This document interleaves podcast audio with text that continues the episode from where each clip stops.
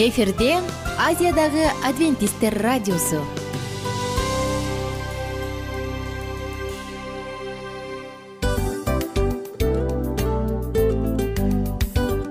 Салам достор. Ден соолук өмүр булагы. Жана биздин биринчи байлыгыбыз демекчи саламат саамы рубрикасына кош келдиңиздер бир да кишинин ооругусу келбегени айтпаса да түшүнүктүү. Анткени ооруганда жаныбыз кыйналганы аз келгенсип көп көйгөйлөр жаралышы да ыктымал. Андан тышкары жумушка же мектепке бара албай же үй бүлөбүзгө кам көрө албай калабыз. Ал эле эмес башка бирөөнүн бизге кам көрүшүнө муктаж болуп калышыбыз ыктымал. Ошон үчүн дарыланууга караганда алдын алуу жакшы эмеспи биздин рубрикада биз ар кандай фактылар менен маалыматтар менен кеңештер менен бөлүшүп чын жүрөктөн сиздердин ден соолугуңуздарды каалайбыз. Ошон үчүн биздин рубрикага кош келдиңиздер жана даярданып туруңуздар анткени кийинки мүнөттөрдө кызыктуу фактыларга ээ болосуздар. Ошон үчүн достор эң биринчи байлыгыбызды колубузга алдык да алдыга жөнөдүк. Биз менен болуңуздар саламат саама ден соолуктун жарчысы. Саламат саама ден соолуктун ачкычы. Күн сайын сиз үчүн мыкты кеңештер сонун жаңылыктар кызыктуу фактылар. Биздин рубрикада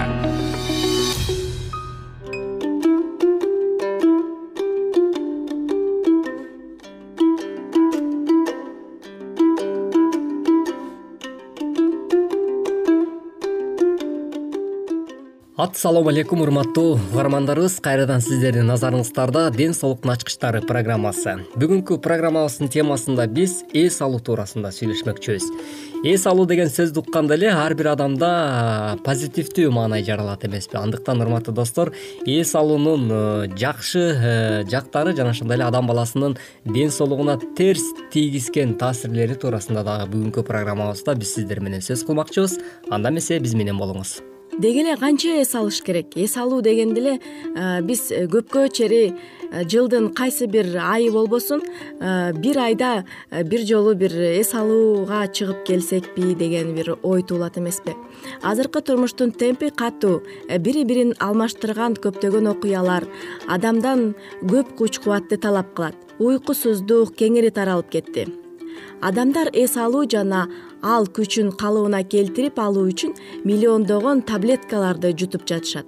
Ал эми адатта мен эмне үчүн дайыма? Эртең мененки таңкы турууда өзүмдү чарчаңкы сезем ооба көп адамдар эртең мененки сергек болуп ойгоно алышпай өзүн чарчаңкы сезишет. Анын себеби ар кандай илдеттер болушу мүмкүн. Алсак сасык тумоо же суукка кабылуу.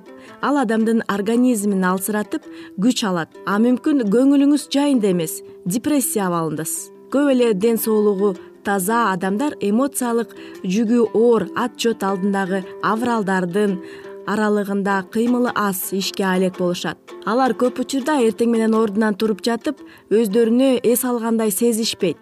Анын үстүнө эртең менен турганда эле кофе чай кола жана ушуларга окшогон суусундуктарды ичпей бир күн да ансыз жашай албай калганын байкайбыз. Алардагы кофеин борбордук нерв системасынын стимулятору жана уйкунун качышына себепкер болуп саналат өнөкөткө айланган чарчоонун башка белгилери кайсылар? Алсыроодон жана чарчаңкы тарткан кыжырдануу байкалат. Болор болбоско ачууңуз келет. Күнүмдүк милдеттерди иштериңизге аткара албай каласыз. Акырында эле жөнөкөй иш да аткарылбай көңүлүңүз калат. Чарчоо адамдын чыгармачылык күчүн өлтүрөт. Ал ой жүгүртө албай калат. Ой жүгүртүүсү начарлап эмгектин натыйжалуулугу түшөт чарчоону убагында чара көрүп токтотпосо ал өөрчүп кетет. Организмди алсыздантып жана депрессияга алып келет. Эс алуунун мааниси эмнеде эс алуу сиздин организмиңиздин күч калыбына келтирет жаңылайт. Зыяндуу калдыктар жок болот. Сынган бөлүнгөн жерлер оңолот. Жашоого зарыл заттардын запасы толукталат эс алуу биздин ар кандай илдеттен коргогон иммун системасын бекемдейт. Туура тандап алган эс алуунун узактыгы сиздин өмүрүңүздү узартат. Бир нече жыл мурун түн ичинде жети сегиз саат уктаган адамдардын өмүрү узак болорун кеңири изилдөөлөр көрсөттү. Жети сааттан аз же андан көп уктагандардын өлүмүнүн деңгээли жогору болду. Адам эс алуунун ар кандай түрлөрүнө муктаж? Баардыгынан мурда түнкү уйку зарыл ымыркай балдар суткасына он алты сааттан жыйырма саат укташат. Кичинекей балдар он сааттан он эки саатка чейин чоң кишилердин уйкуга муктаждыгы ар кандай бирок көпчүлүгү жети сегиз саатты түзөт. Адам ошондой эле ыргагынын мезгилдик алмашуусуна муктаж. Экинчи дүйнөлүк согуштун убагында улуу британияда жетимиш төрт сааттык иш жумасын киргизүүгө аракет кылышкан эле. Бирок андан жашоонун мындай ыргагын көтөрө алышкан жок бир нече варианттарын байкап көрүшүп жумасына бир дем алыш күн жана дайыма түшкү тамакка тыным менен жумасына кырк сегиз саат ишти киргизүүгө токтолушту. Анткени ал ушул ыргак эң мыкты эмгек өндүрүмдүүлүгүн көрсөткөн. Коом адам эс алуунун башка да мезгилдерине муктаж экендигин билет. Азыр америкада уикенд деп аталган эс алуу кеңири таралып кетти мында адам жума күндөн дүйшөмбүгө чейин дем алат. Акшда жылдык отпуск орточо эсеп менен эки жумага созулат. Уктоочу каражаттар жөнүндө сиз эмнени айтмаксыз? Нормалдуу уйку мезгил мезгили менен бири бирин алмаштырган эки фазадан жай жана тез уйкудан турат. Тез уйкунун убагында өткөн күндөн баштан өткөргөндүн табигый түрдө чыгарылган түш көрүүлөр мүмкүн болот. Уйку келтирүүчү препараттар албетте адамды тез уктатат. Бирок түш көрүү фазасын басып коет. Адам түн бою бут серппей уктагансып сезгени менен көп учурда каалаган сергектик жана эс алгандай болбойт. Өтө зарыл учурда уктатуучу заттар пайдалуу болушу мүмкүн. Бирок алардын тез тез колдонуунун кереги жок. Анткени алар организмди алсыратып таштайт айрым кишилер боюн жумшартып жана уктап калуу үчүн алкоголду колдонушат. Бирок ал организмге толук баалуу калыбына келтирүүчү эс алуу бербейт жана бир катар проблемаларга кабылат. Табигый уйкуну эч нерсе алмаштыра албайт. Жакшы уктоо үчүн эмнелерди кылышыбыз керек бир маалда жатып бир маалда турууну тамак ичкенде жана дене бой көнүгүүлөрдүн жасаганга аракеттениңиз. Сиздин организмиңизге күн тартибин ыргагын сактоо абдан пайдалуу. Кечинде жатканга чейин төрт сааттан кем эмес мурда тамактаныңыз тамакка толгон ашказан эч качан түнкү жакшы эс алууга жардам бербейт. Ошондой эле кара жумушка жана кыймыл аракеттерге жарым сааттан алтымыш мүнөткө чейин көңүл бурсаңыз болот өзүңүздүн денеңизге дене тарбия көнүгүүлөрүн жасоо менен күч кубатты калыбына келтирүүгө жардам берет. Нервти эс алдырат. Ошол эле учурда сиздин нервиңизди эс алдырганга көмөк берет. Иш убагында колдон келишинче кыска тыным алууга аракеттениңиз. Барып бир стакан суу ичиңиз. Коридордо ары бери басыңыз. Бир нече ирет терең терең абадан кере кере дем алыңыз ошол эле учурда жылуу бирок ысык эмес. Ваннаны ыкчам суу кылып алып жуунсаңыз бул дагы денеңиздин жумшарганына жакшы жардам берет. Ал эми адатта сиз такыр эле уктай албай койсоңуз башыңыздан өткөргөн жакшы нерселер жөнүндө ойлонуңуз.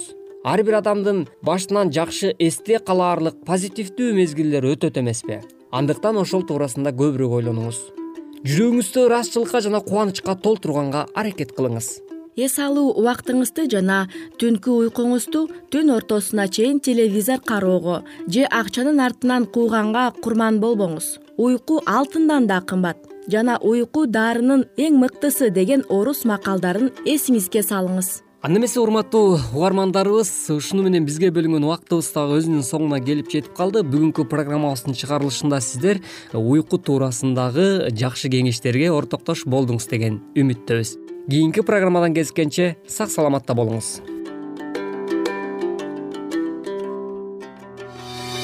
Саламат саама ден соолуктун жарчысы. Саламат саама ден соолуктун ачкычы. Күн сайын сиз үчүн мыкты кеңештер сонун жаңылыктар кызыктуу фактылар биздин рубрикада.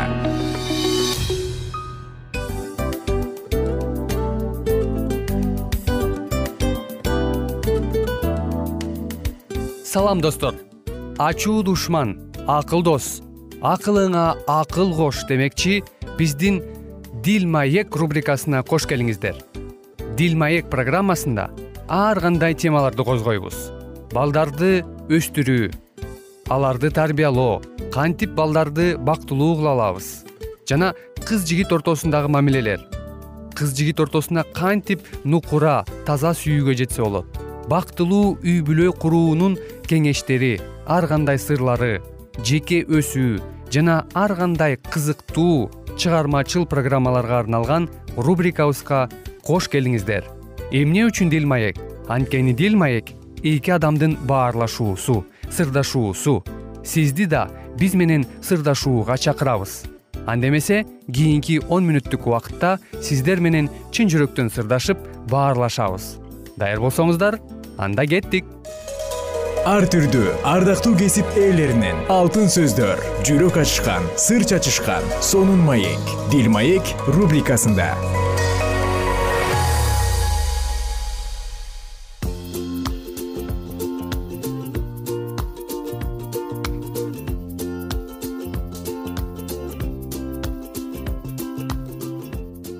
Саламатсыздарбы достор айымдар жана мырзалар. Жалпыңыздарга кутман күн эфирде биз кайрадан мен мику жана аку сиздерге мамилелер жөнүндө сүйүү жөнүндө үй бүлө куруу жөнүндө кыз жигиттин ортосунда мамилелер жөнүндө ар кандай кеңештерди бермекчи.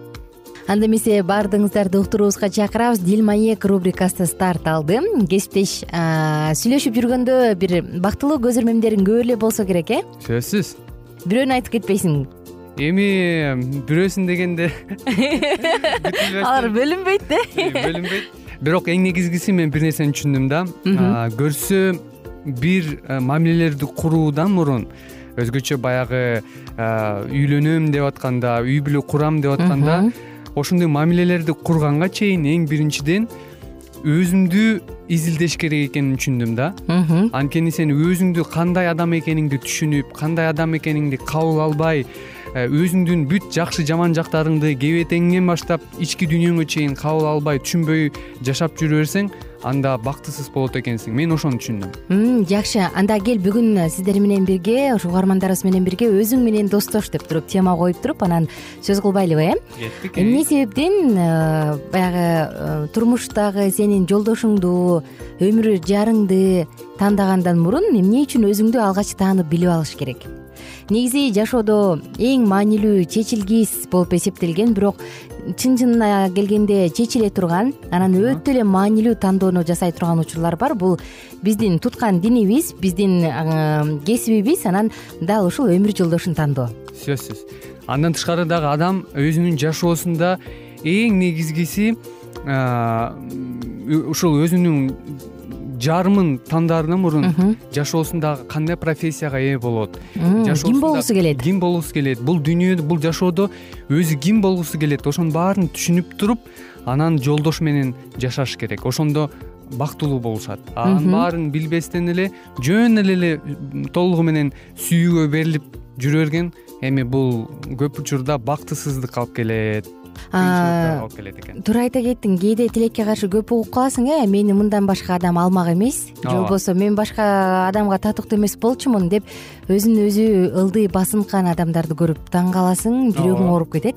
Кээде өзүнүн кайсы бир сырткы келбети же мүнөзү же дагы бир нерсеси жакпай комплекс кылып келген адамдар дагы аз эмес. Ооба. Анан койчу мен мындаймын мен мындан башка адамга татыксызмын же мындан башка нерсеге татыксызмын деп өзүн өзү басынтып келгендер көп бул бир четинен мындай сыртынан байкалбайт да көбүнчө жада калса балким сиздер бизди угуп ойлоп аткандырсыз. Бул мага тиешелүү эмес дейт бирок психологдор билдирет.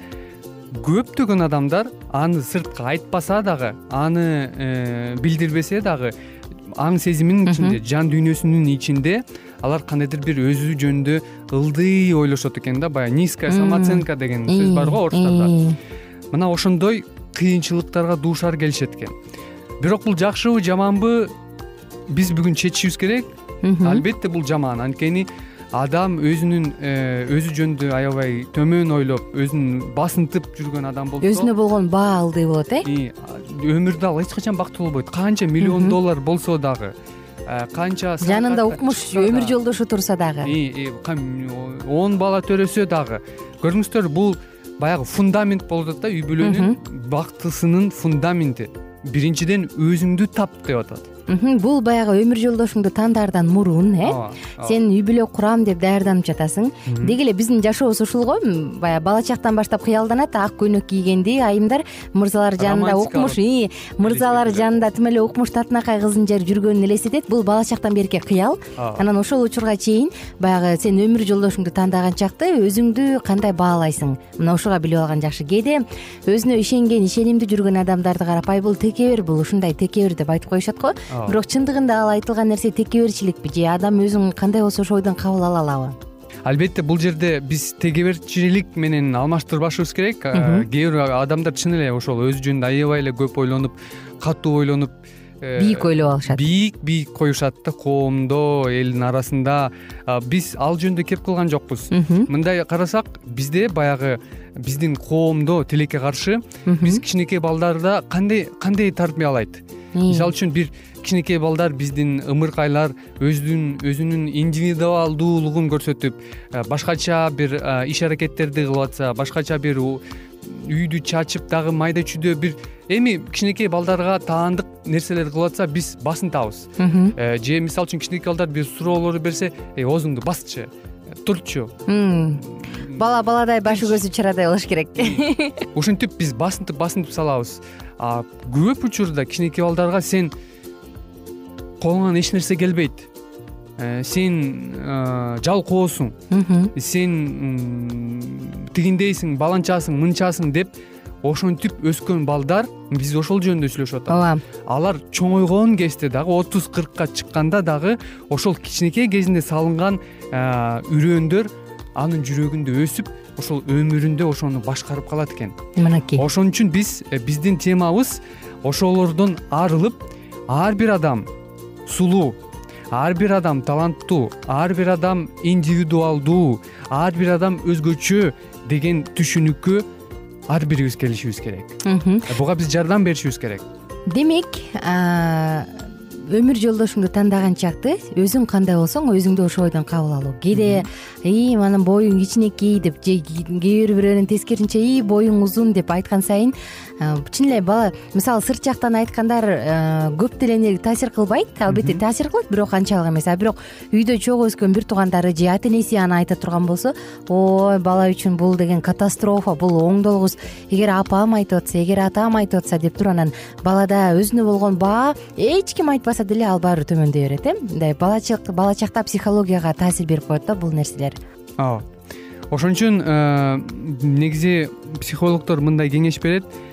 Күн сайын эртең менен туруп күзгүгө келип мен чырайлуумун мен таланттуумун мен жакшымын деп өзүбүзгө айтып турушубуз керек.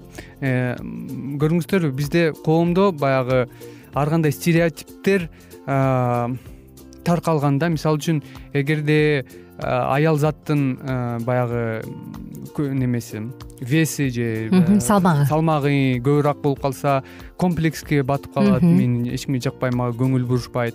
Же мисалы үчүн балдар бою кичинекей болуп калса эми ар кандай да. Мунун баары тең адамдар ойлоп тапкан ушундай стереотиптер биз ошолордон арылып кандай гана болбойлук физикалык жактан же ички дүйнөбүз жактан биз уникалдуубуз бизди жаратуучу кудайыбыз ушундай жараткан. Ар бирөөбүз индивидуалдуубуз биз ошону түшүнгөндөн кийин качан биз өзүбүздүн баягы баа өзүбүзгө бааны туура бергенден кийин ооба ар бирөөбүздө жеке мындай минустарыбыз бар э жеке Комплекстерибиз бар өзүбүздүн. ал бар.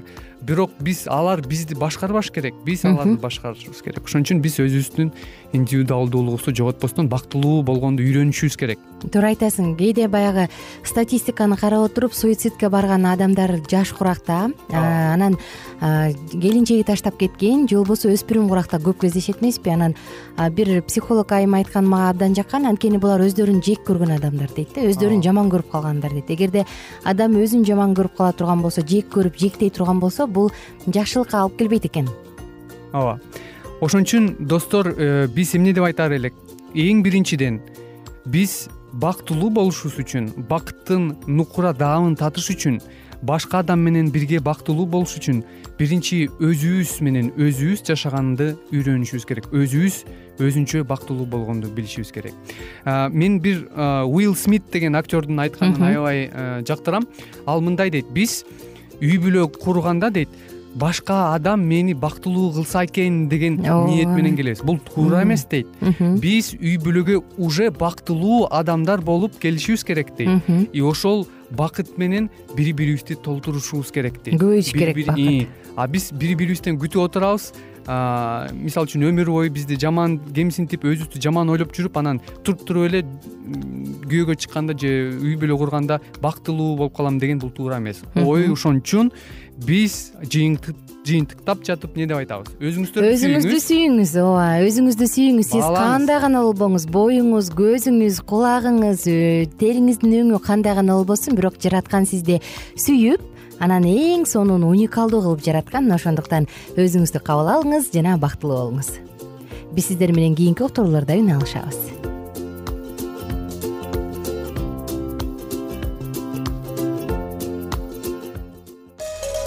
ар түрдүү ардактуу кесип ээлеринен алтын сөздөр жүрөк ачышкан сыр чачышкан сонун маек дил маек рубрикасында.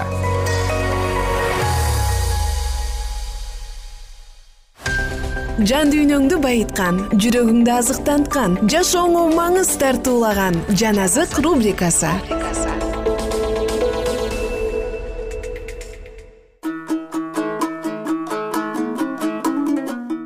саламатсыздарбы айымдар жана мырзалар. Сиздер менен улуу күрөш китебин улантабыз.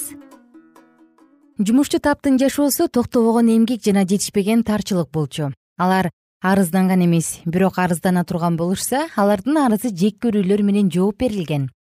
Соттор кедейлерди эмес ар дайым байларды жактап турган. Соттор пара алышкан жана акча берген аристократтын айткандары сатылгандар тарабынан толугу менен кабыл алынган жөнөкөй адамдардан мамлекеттик тараптан жана чиркөө тараптагы дагы чогултуп алынган салыктардын жарымы падышалык же чиркөөлүк казынага кирген эмес. Бул акчалар байлардын талаптарын канагаттандырыш үчүн пайдаланган. Өз жакындарын уялбастан талаптаногон адамдар өздөрү эч кандай салык төлөшкөн эмес. Мыйзам жана каада салт боюнча мамлекетте каалаган орундарды ээлегенге укуктуу болушкан урмат татыктуу деп эсептелген адамдардын саны болжолу менен жүз элүү миң адамга жеткен. Жана алардын талаптарын аткарыш үчүн миллиондеген адамдар жыргалсыз жакырчылыкка жана кордолгон маңыроо кылуучу эмгекке кабылышкан. Падыша сарайлары ыгы жок каражат сарптоодо жана бузукулукта жашап күн өткөрүштү. Эл башчылары менен калайык калктын ортосунда эч кандай ишеним болгон эмес жогорку жактагы башкаруучу адамдардын ар бир баскан кадамы жөнөкөй адамдар үчүн каардуу жана керт башынын кызыкчылыгы үчүн болуп жаткандыгы билинип турган. Революциядан мурда элүү жылдан ашык убакыт людовик он беш падышалык тактыны ээлеп турган. Кыйын кырдаал мезгилинде дагы бекерпоздук жеңил ойлуулук жана бузукулугу менен даңазаланган бузулган жана таш боор ак сөөктөр жакырланган маданиятсыз калайык калк финансылык кыйроону баштан өткөргөн мамлекет ындыны өчкөн адамдар мына ушул көрүнүштөрдү көрүп туруп акыры коркунучтуу боло тургандыгын айтыш үчүн пайгамбар болуунун зарылдыгы жок эле. Бардык эскерүүлөргө падыша мындай деп гана жооп берчи. Менин өмүрүмдө чаң тополоң болуп кетпеши жөнүндө кам көргүлө. Менин көзүм өткөндөн кийин боло турганы боло берсин реформа керек деп айтылган сөздөрдүн баары бекер эле. Ал жамандыкты көрүп турган бирок ага каршы туруш үчүн күчкө да кайратка да ээ эмес болчу. Анын жеңил ойлуу жана өзүмчүл жообу менден кийин мага десе топон суу каптасын францияны мындан жакшы нерсе күтө алган эмес. Бири бирин күмөндөтүүнү падышанын жана башкаруучу таптын көрө албастыгын жалындатуу менен рим алар аркылуу адамдарды жакырлыкта кармоону каалаган. Анткени бул жагдайлар мамлекетти алсыздандырмак. Ошондо гана башкаруучулар да жана калайык калк да аларга моюн сунуп турушмак. Алысты көрүп түшүнгөн римдик кардиналдар адамдарды көз каранды кылыш үчүн алардын жанын кыйноо зарыл. Эң жашкысы адамдарды кулдукта кармаш керек. Бул үчүн аларды өз эркиндигинен ажыратуу зарыл болду. Адамдардын адеп ахлагын бузуу римдин ушундай саясатынын алгачкы куралы. Эле анткени бул денелик кыйноодон миң эсе өйдө болгон адамдар мукаддастан ажырашып фанатикалык окутуунун алдында түркөйлүккө ырым жарымга бузукулукка кабылышты жана өздөрүн башкарууга жөндөмдүүлүктөн ажырашты. Бирок ушунун бардыгы рим ойлогон жыйынтыкка алып келген жок. Адамдарды өз жоболоруна баш ийдирүүгө жасаган аракеттери рим ойлогондой болбостон адамдар кайырдын жана революциячыл болуп калышкан. Алар католицизмди диний бузукулуктар деп жек көрүшүп жана өздөрүнүн кыйналган абалына айыпкер деп эсептешти. Алардын билген кудайы римдиктердин кудайы болуп саналган ал эми карманган дини римдик католиктин чиркөөсүнүн дини болгон. Алар римдин ачкөздүгүн жана катаалдыгын ыйык жазуулардын жемиши деп түшүнүшүп жана андан баш тартышкан. Рим теңирдин сапатын жалган кылып көргөзүп жана анын талаптарын бузган жана жыйынтыгында адамдар мукадастан жана анын авторунан баш тартышкан. Анткени римдин жоболору ыйык жазуулар ушундай деп айтат. Деген шылтоо менен адамдардан сокур ишеним талап кылынган. Мына ушунун айынан волтер жана анын жактоочулары кудай сөзүнөн баш тартышып бардык жерге ишенбестиктин уусун таратышты. Рим өз темир согончогу менен адамдарды басып алды жана кемсинтилип адам кебетесин жоготкондой жапайы болгон адамдар бул зөөкүрлөргө ачуулангандыктан карманган нерселеринин бардыгын таштап салышкан. Аларды ушунча узак мөөнөт алдагандыгына ачуулангандыктан алар жалгандык менен бирге чындыктан баш тартышты жана өздөрүн эркинбиз дешип эсептешип бузукулуктун кулу болушту. Албетте революция башталаардын алдында падышанын берген ырайымы боюнча жөнөкөй адамдар ак сөөктөргө караганда парламентте көбүрөөк орунду ээлешкен. Ушундайча бийлик алардын колунда болуп калды. Бирок алар бул бийликти акылдуулук жана даанышмандык менен пайдаланууга даяр эмес эле. Өздөрүнө залака тийгизген жамандыктын катыгын берүү максатында алар коомчулукту алмаштыруу менен алек болушкан. Жүрөктөрүндө көптөгөн жылдар сакталып келген адамдардын каары жана көргөн запкылары аларды ызалантып кимди өз кайгыларына күнөөкөр деп эсептешсе ошолордун үстүнө үйрүлүп түштү. Зөөкүрдүктүн сабактары дайынсыз жок болгон жок өмүр бою запкы жеп кордолгондор эми өз кордоочуларына кордук көргөзө башташты. Шордуу франция канга жамынып өзү сепкен нерселерин өзү кайрадан оруп алды.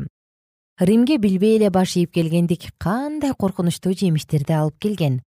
Реформация башталган кезде католиктердин кызымчылыгы менен биринчи еретикти өрттөгөн жерде революция өзүнүн биринчи баш кесе турган куралын тургузган өзүнө аягуу алып келе турган жакшы кабардан баш тартуу менен франция өз эшигин кайырдиндикке жана бүлгүндүккө ачып берди. Качан кудай мыйзамдарынын чегерүүлөрүн сыртка ыргытып салышканда адамдагы каалоо агымдарын токтотуш үчүн адам мыйзамдары алсыз экендигин билишти жана калайыкал кыйроонун жана ээн баштыктын түпкүрүнө түшүп кетишкен.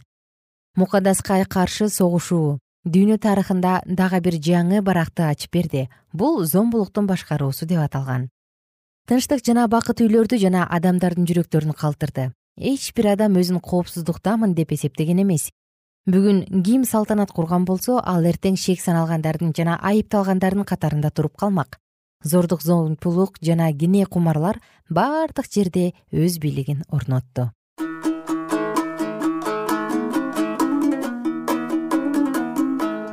ардактуу достор сиздер менен улуу күрөш китебинен үзүндү окуп өттүк. Эмки уктуруудан кайрадан бирге улантканча.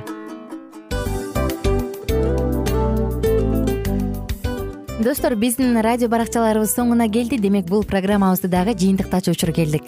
Учурга келдик. Анан кесиптешимден сурагым келип турат. Негизи эле иштин башталып атканы кубандырабы сени же жыйынтыгы кубандырабы албетте жыйынтыгы. Себеп дегенде сен кылган ишиңдин жыйынтыгын көрүп э, баягы мөмөсүн көрүп дегендей жыргайсың. Жүрөгүң жемишинен тартып э? Кандай даамдуу деп. Баягы буудай сепкенде эмес буудай эгинди жыйнагандан кийин ысык нанды жегенде кадимкидей ырахаттанасың го. Ой айтпа туура айта кеттиң сонун салыштыруу болду. Анан мен дагы абдан кубанып турам. Анткени биз угармандарыбыз үчүн аябай эмгектенип келген уктуруубуздун соңуна келип калдык анан эми э, уктуруубуздун соңунда угармандар кандай пайда алып калды экен деп күтүп турам да. Балким э, менин жашоомо өзгөрүү киргизе турган сонун сөздөр болду.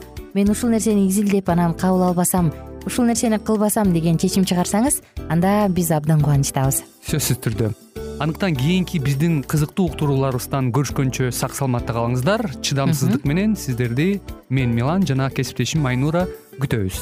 Баардык угармандарыбызга ийгиликтүү күн каалайбыз качан гана болбосун уртуңуздан жылмаюу кетпесин үйүңүздө көмүр жүрөгүңүздө көңүл болсун дейли